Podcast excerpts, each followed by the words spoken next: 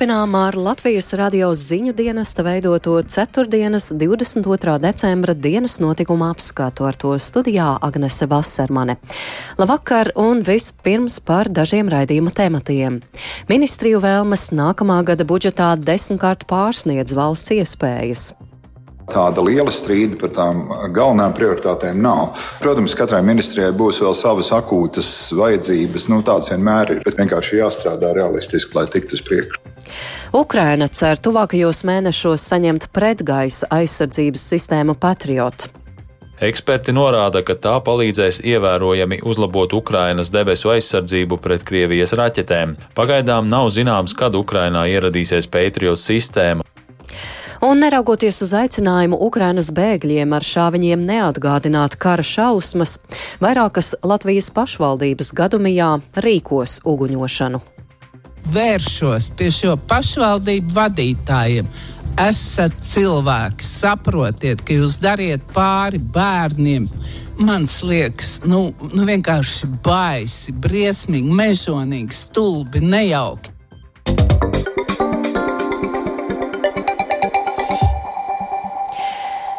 Finansējums jaunām prioritātēm nākamā gada valsts budžetā pārsniedz 215 miljonus eiro. Tas būtiski audzis inflācijas rezultātā, un nākamā gada budžetu veidos ar plānu par valdības deklarācijā ierakstīto ekonomikas pārkārtošanu. Ministriju pieprasījumos summa gan pārsniedz 2 miljārdus eiro. Vairāk Jāņa Kīņšas sagatavotajā ierakstā. Valdība ir apņēmusies veicināt plašu ekonomisko transformāciju. Pastiprināt uzmanību budžeta plānošanā būs veltīta iekšējai un ārējai drošībai, izglītības un zinātnes kvalitātei, enerģētikai, uzņēmumu konkurētspējai un dzīves kvalitātei kopumā. Tā skaitā iedzīvotāju un uzņēmumu aizsardzībai energoresursu izmaksu krīzē. Nākamā gada budžetu veidos izteiktas nenoteiktības apstākļos, galvenokārt Krievijas kara darbības Ukrainā dēļ. Attiecīgi arī budžeta plāns var nākties pielāgot. Tāpēc pēc valdības ārkārtas sēdes vērtēja premjerministrs Krišjāns Kariņš no jaunās vienotības. Diemžēl ārējie apstākļi var vēl īsā laikā krasi mainīties, kas arī varētu ietekmēt visas pasaules, arī Latvijas ekonomiku, līdz ar to arī Latvijas eh, budžetu. Eh, mēs apzināmies, ka apstākļi ir mainīgi, bet mainīgos apstākļos tas nenozīmē, ka mēs nevaram plānot. Mums tieši ir pretēji, mums ir pienākums plānot, kā mēs varēsim izmantot šo laiku, pārkārtot savu ekonomiku. Vairāk nekā 17% inflācijas ietekmē brīvo līdzekļu, kas pārdalām valdības prioritāriem pasākumiem, būs vairāk. To apjoms pieaudzis no 90 līdz 215 miljoniem eiro.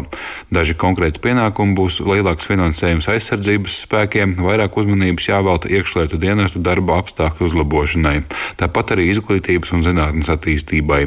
Valdības deklarācijā rakstītajiem būs jāpārvēršas konkrētos naudas piešķīrumu lēmumos, klāstīja Kariņš. Tiesa, ministrija pieprasījuma dažādi dažādiem mērķiem ir desmitkārt lielāka nekā budžeta iespējas, pārsniedzot vairāk nekā 2 miljardus eiro, atzina finanšu ministrs Arvils Ašerādens no jaunās vienotības. Tā kā man vismaz tā sajūta šobrīd arī ir, ir dažādos formātos diskutējot ar ministriem, ka tāda liela strīda par tām galvenajām prioritātēm nav. Protams, katrai ministrijai būs vēl savas akūtas vajadzības, nu, tādas vienmēr ir. Un, un valsts ir ļoti sarežģīta un, un vienmēr ir parādās visādi neprognozētas vajadzības, bet kopumā šeit šī brīdī es būtisks pretrunas neredzu. Vienkārši jāstrādā realistiski, lai tiktu uz priekšu. Par 2023. gada budžetā atbalstāmajiem jaunajiem prioritāriem pasākumiem paredzēts vienoties janvāra pirmajās divās nedēļās.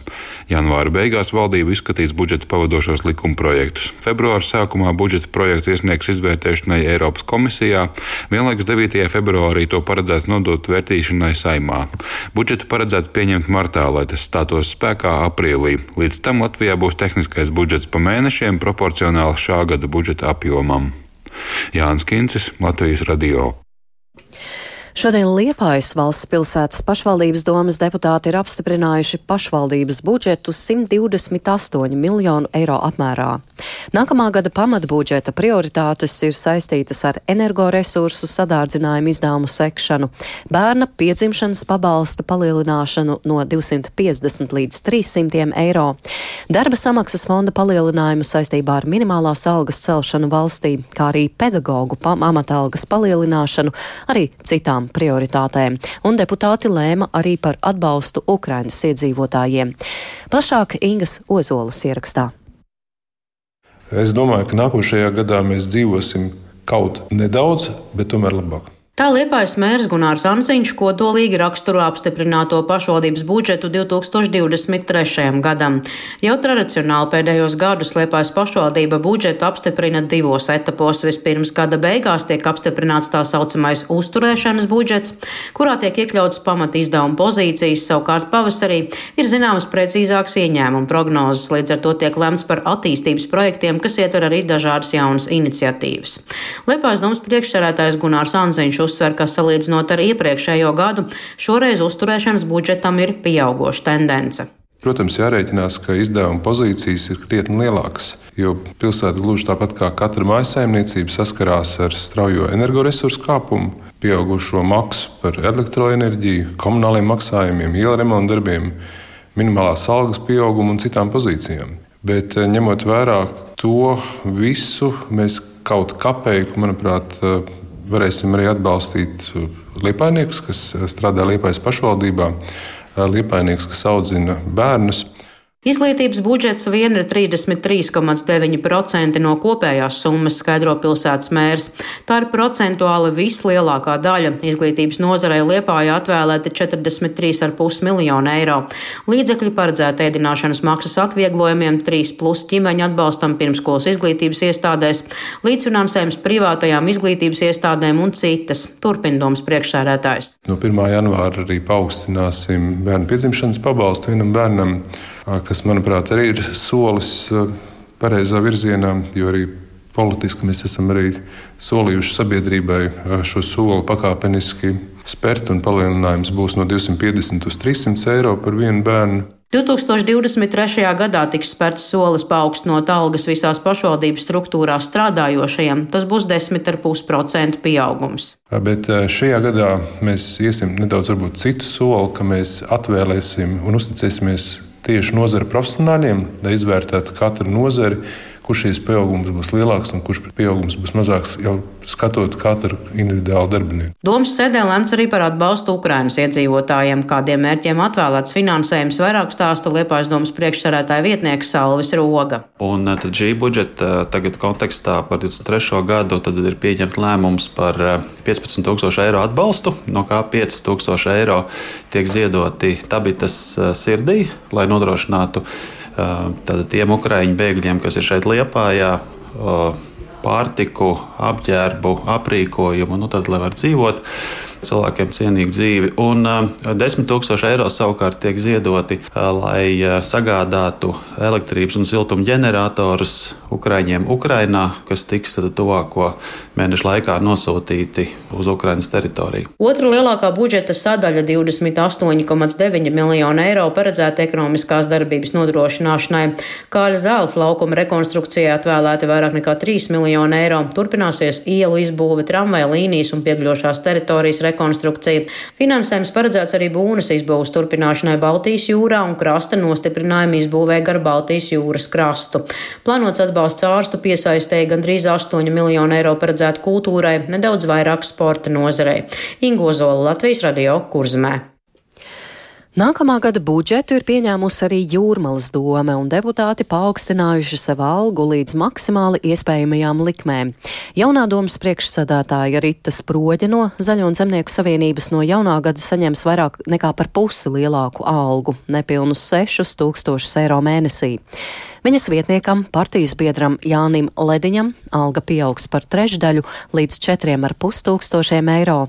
Savukārt padomniekam, notiesātajam bijušajam jūrmālas mēram Gatim Truksnim no ZZS alga būs pat lielāka nekā tā bija, esot mēra krēslā. Proti viņš saņems 80% no sproģas algas, jeb 4732 eiro. Pret algu paaugstināšanu iebilda opozīcijas deputāti no Nacionālās apvienības apņēmības, skaidro viens no deputātiem Jānis Sasars. Mēs arī bijām pirms domas sēdes opozīcija iesnieguši priekšlikumu tomēr šīs te algas nepalielināt līdz šīm te maksimāli iespējamām likmēm. Bet šo procentu piesaistīt esošai inflācijai, kas ir 22%, tomēr šīs priekšlikums netika ņemts vērā. Un šobrīd ir uh, pašvaldībā vairāk darbinieki ar mazu atalgojumu, kas atpaliek no nozarēm, citās pašvaldībās maksā tādi paši pirmskolas pedagogi, pedagogi palīgi, un kuriem būs, manuprāt, pirmkārt nepieciešams noteikt šo samērīgu atalgojumu, tikai pēc tam domāt par to, ka deputātiem iespējams būtu jāpalielina šī alga, bet nu arī attiecīgi inflācija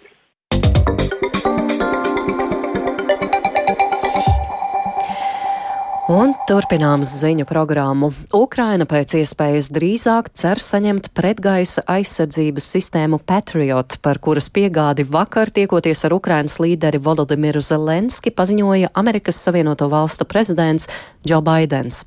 Tikmēr ASV kongress gatavojas apstiprināt jaunu palīdzību Ukrainai.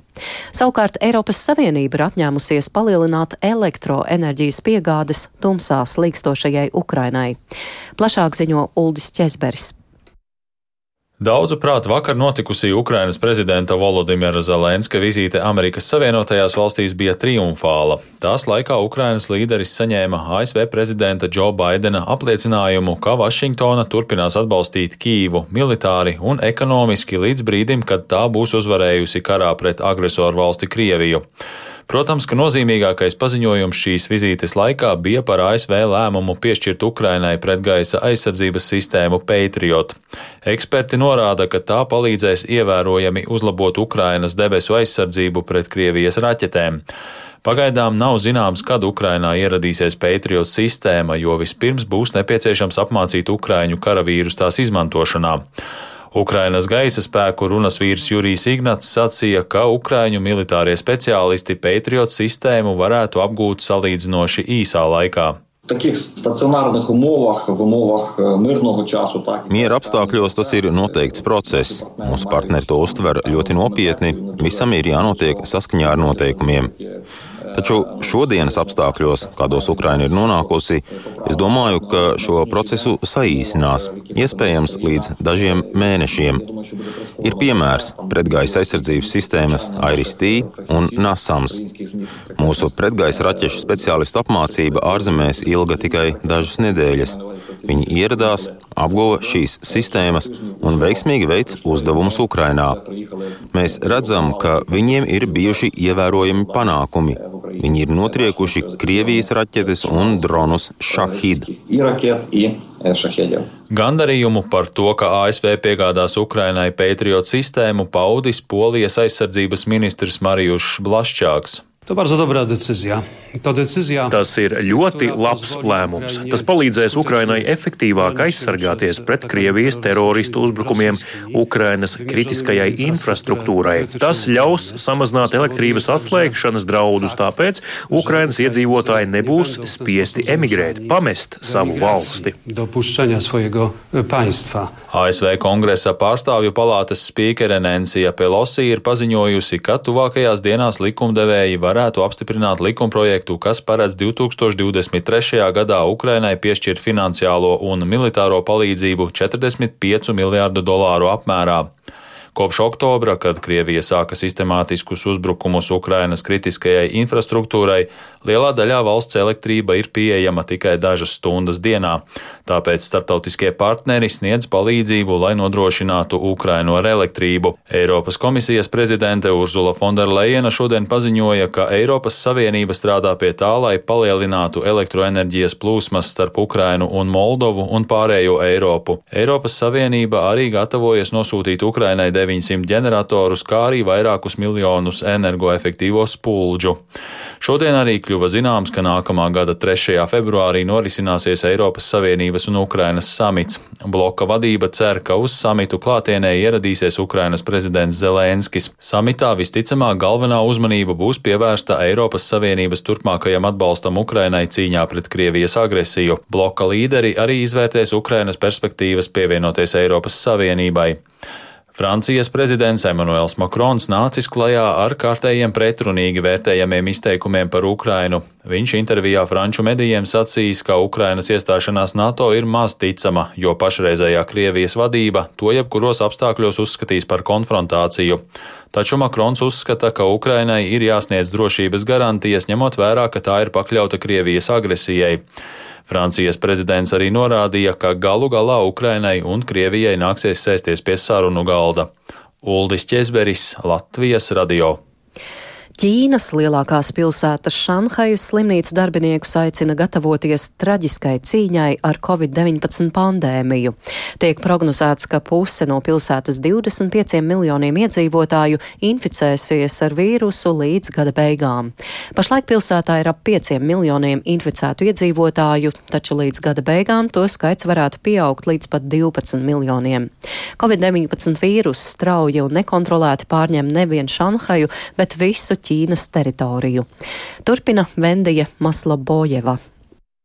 Līdz šim Ķīna nelokāmi ievēroja tā dēvēto Covid-0 politiku, piemērojot masveida testēšanu, stingru karantīnu un mājasēdi, kuras dēļ iedzīvotāji zaudēja savus ienākumus un nespēja iegūt pirmās nepieciešamības preces. Tomēr pēc plašiem protestiem un straujā inficēšanās pieauguma Ķīna šomēnes sāka mīkstināt savu politiku, kas radījusi lielu finansiālo un psiholoģisko kaitējumu Ķīnas 1,4 miljardiem iedzīvotāju.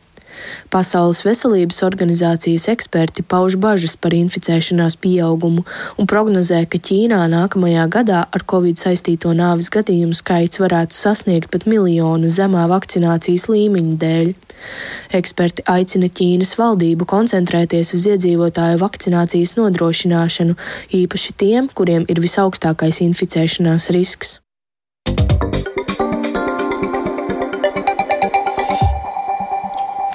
Un mūsu valstīm vairākas pašvaldības šogad ir atteikušās no salūta gadumijā, jo apzinās, ka tas var satraukt no kara atbēgušos ukrāņus. Bet ir vietvaras, kas nolēmušas, ka svētkos ir nepieciešama uguņošana. Esot aptaujāti iedzīvotāji un secināts, ka arī ukrāņi neiebilst pret salūta šaušanu. Tomēr pretēji viedokli pauž cilvēki, kas pie sevis uzņēmuši kara bēgļus, aicina iedzīvotājus ignorēt uguņošanu. Plašāk par to Lindas Spunkas stundiņas ierakstā. Jau vairāk kārt diskutēts par to, vai nepieciešams salūts gadumijā. Sabiedrības pretargumentu uguņošanai ir vidas piesārņojums, maidzīvnieku traumatisms un ugunsdrošības risks. Šogad īpaši aktuāls šis jautājums ir saistībā ar Ukrainas kara bēgļiem, kas apmetušies Latvijā. Vairākas pašvaldības nolēmušas nerīkot pirotehnikas priekšnesumus par nodokļu maksātāju naudu, tādējādi neradot papildu pārdzīvojumus no kara bēgušajiem. Tomēr šāda nostāja nav visās vietverās. Piemēram, Ventspēlī gadumijas svinību kulminācija būs uguņošana, stāsta pašvaldības komunālās pārvaldes direktora vietnieks Edgars Puriņš. Uguņošana tā vienmēr ir bijusi pilsētas iedzīvotāji iecienīta un, un, un ļoti gaidīts pasākums, jā, un tādēļ pašvaldība, respektējot pilsētas iedzīvotāju vēlmes, jā, šo uguņošanu arī rīko. Bet, uh, lai nu, būtu tā, ka uh, tas būtu arī saskaņā ar esošiem normatīviem aktiem un, un, un, un šobrīd arī situācija visā valstī, jā, saistībā ar patvērumu meklētājiem no Ukrainas, jā, tad ir aptaujāt Ukrainas biedrība, jā, un faktiski šīs aptaujas rezultātā, jā, 82% aptaujāt Ukraiņi ir piekrituši. Viņi uzskata, ka šī jaunā gada svētku uguņošana tieši otrādi piešķir svētku sajūtu, un viņi to ļoti labi saprot un atbalsta.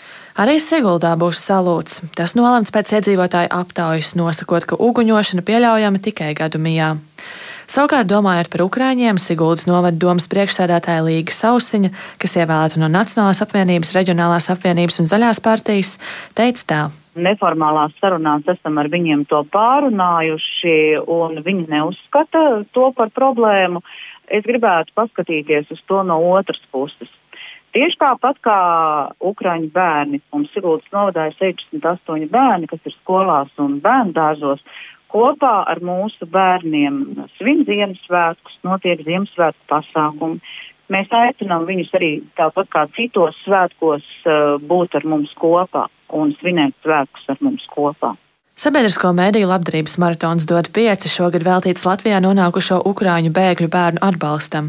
Maratona laikā stikla studijas viesi vairāk kārt akcentējuši, ka salūts nenāk par labu no kara atbēgušajiem. 4. māja deklarācijas kluba prezidente Velta Čebata Rēnuka, kura pie sevis uzņēmusi ukrāņus, aicināja iedzīvotājus ignorēt uguņošanu. Es vēršos pie šo pašvaldību vadītājiem esat cilvēki, saprotiet, ka jūs dariet pāri bērniem pirmām kārtām, viņu vecākiem un vecākiem. Jo katram ukrāņu bērniņam un katram no Ukraiņas kara bēgošam cilvēkam katrs mazākais sitiens, pat kā teica. Teātris režisors Inters. Jā, Inters Rešetins un teica, saplīs krūzīt, bērniem iestājās panika. Mēs to redzējām arī savās mājās, jo pie mums tiešām ir bieži ukrāņu bērniņi. Man liekas, nu, nu vienkārši baisi, briesmīgi, mežonīgi, stulbi, nejauki. Un es aicinātu to pašvaldību iedzīvotājus, kuriem tas notiks, šī salūts. Nu, ignorējiet, neiet. Zināms, ka uguņošana jaungadā būs Rēzeknē, aizkroklē par privātpersonas līdzekļiem un vēl citās pašvaldībās. Linda Spundiņa, Latvijas radio. Šogad samazinājies pieprasījums pēc Ziemassvētku eglēm. Latvijas radio aptaujātajās koku audzētavās pieprasījums krities par 10 līdz 15 procentiem. Egļaudzēšanas izmaksas šogad pieaugušas un arī cenas svētku kokiem pakāpušās. Pēc egļaudzētāju novērojumiem cilvēki taupīgāk tērē ģimenes budžetu un izvēlas lētāko, nevis kuplāko egli. Plašāk Sintīs Ambotas ierakstā. Stāda audzētavas blīdene Mārupes stādu centra vadītāja Agnese Kristapsone stāsta, ka pieprasījums pēc Ziemassvētku eglēm krities par 10 līdz 15 procentiem. Turklāt šogad cilvēki vairāk izvēlas meža egles, kas ir lētākas par balteglēm, kuras savukārt bija pieprasītākas iepriekšējos gados. Meža egles mums ir tajā pašā līmenī, kādas mums ir bijušas arī iepriekšējos gados. Baltegles, jā, arī ir vidēji pa 5 līdz 10 procenti arī dārgākas palikušas. Stādu centrā sastaptais apmeklētājs Staņislavs ik gadu rūpīgi šeit izvēlas egli viegli kopā ar meitu. Ja tev ir sīkie bērni, tad vienkārši jāatrod tas iespējas un rezerves un jānodrošina. Jā. Protams, tad egla var būt bišķiņ mazāka nekā pārējos gados, bet jābūt vienalga. Savukārt kokaudzētavā dzērves audzē un tirgo egles tikai podos. Kopumā vairāku gadu garumā pieprasījums pēc eglēm, kuras pēcāk var iestādīt arī ārā, ir pieaudzis. Saimniecības vadītāji Māris un Maruta Kamīnski stāsta vairāk par pieprasījumu šogad. Es paskatījos statistiku ar pagājušo gadu, nu mazliet kaut kāda 10% kritums varētu būt. Tā tirzniecības cena mazajām eglēm, kas ir līdz 80 cm augumā, cena ir pieaugusi pa 15%, un tādas, kas ir 1,25 m, cena ir pieaugusi par 18%. Dzērvju saimnieki vēl secina, ka iepriekšējā gadu Ziemassvētku egļu pasūtījumus nācās arī atteikt, jo nespēja izaudzēt tik daudz, cik pieprasa. Bet šogad iespējams būs arī pārpalikums. Sinti Ambote, Latvijas radio. Un šajos Ziemassvētkos Torņakalnā Rīgas Lutera baznīcas teritorijā ikvienu gaidīs īpaši izveidots Ziemassvētku dārs - 12 svētās naktis. Teritorija būs simtiem lampiņu izgaismota ar vidas un instalāciju objektiem, atziņu stendiem, tiks izstādīta un izgaismota arī vecā baznīcas pulksteņa ciparnīca. Baznīcas mācītāja Linārda Rozentāla vadmotīvs dārza izveidē ir, ka Ziemassvētki ir visu mūsu kopīgā dzimšanas diena. Tas ir kaut kas vispār cilvēcisks. Es teiktu tā, ka svinot to, ka ir dzimis Kristus, un zinot to, kāds viņš bija cilvēks un kāds ir viņa gars arī šobrīd, es teiktu tā, ka mēs šajos svētkos svinam to, ka cilvēkā ir cilvēks dzimis. Proti, tas, ka tu esi bioloģiska, psiholoģiska būtne, ka tu izskaties pēc cilvēka, tas vēl nenozīmē, ka tevī cilvēks ir klātesošs, ka tu izturies kā cilvēks. Un šajā laikā mēs to ļoti labi redzam. Mēs ekrānos redzam to, kas notiek tad, ja cilvēkā cilvēks ir miris. Un tāpēc man šķiet, ka Ziemassvētka ir tāda visa mūsu kopīgā dzimšanas diena. Un tāpēc var teikt, tā, jā, tas bērniņš silvītē dus, bet varbūt viņš manī dus. Un tieši manī viņam ir jādzimst, tieši manī viņam ir jāpamostās.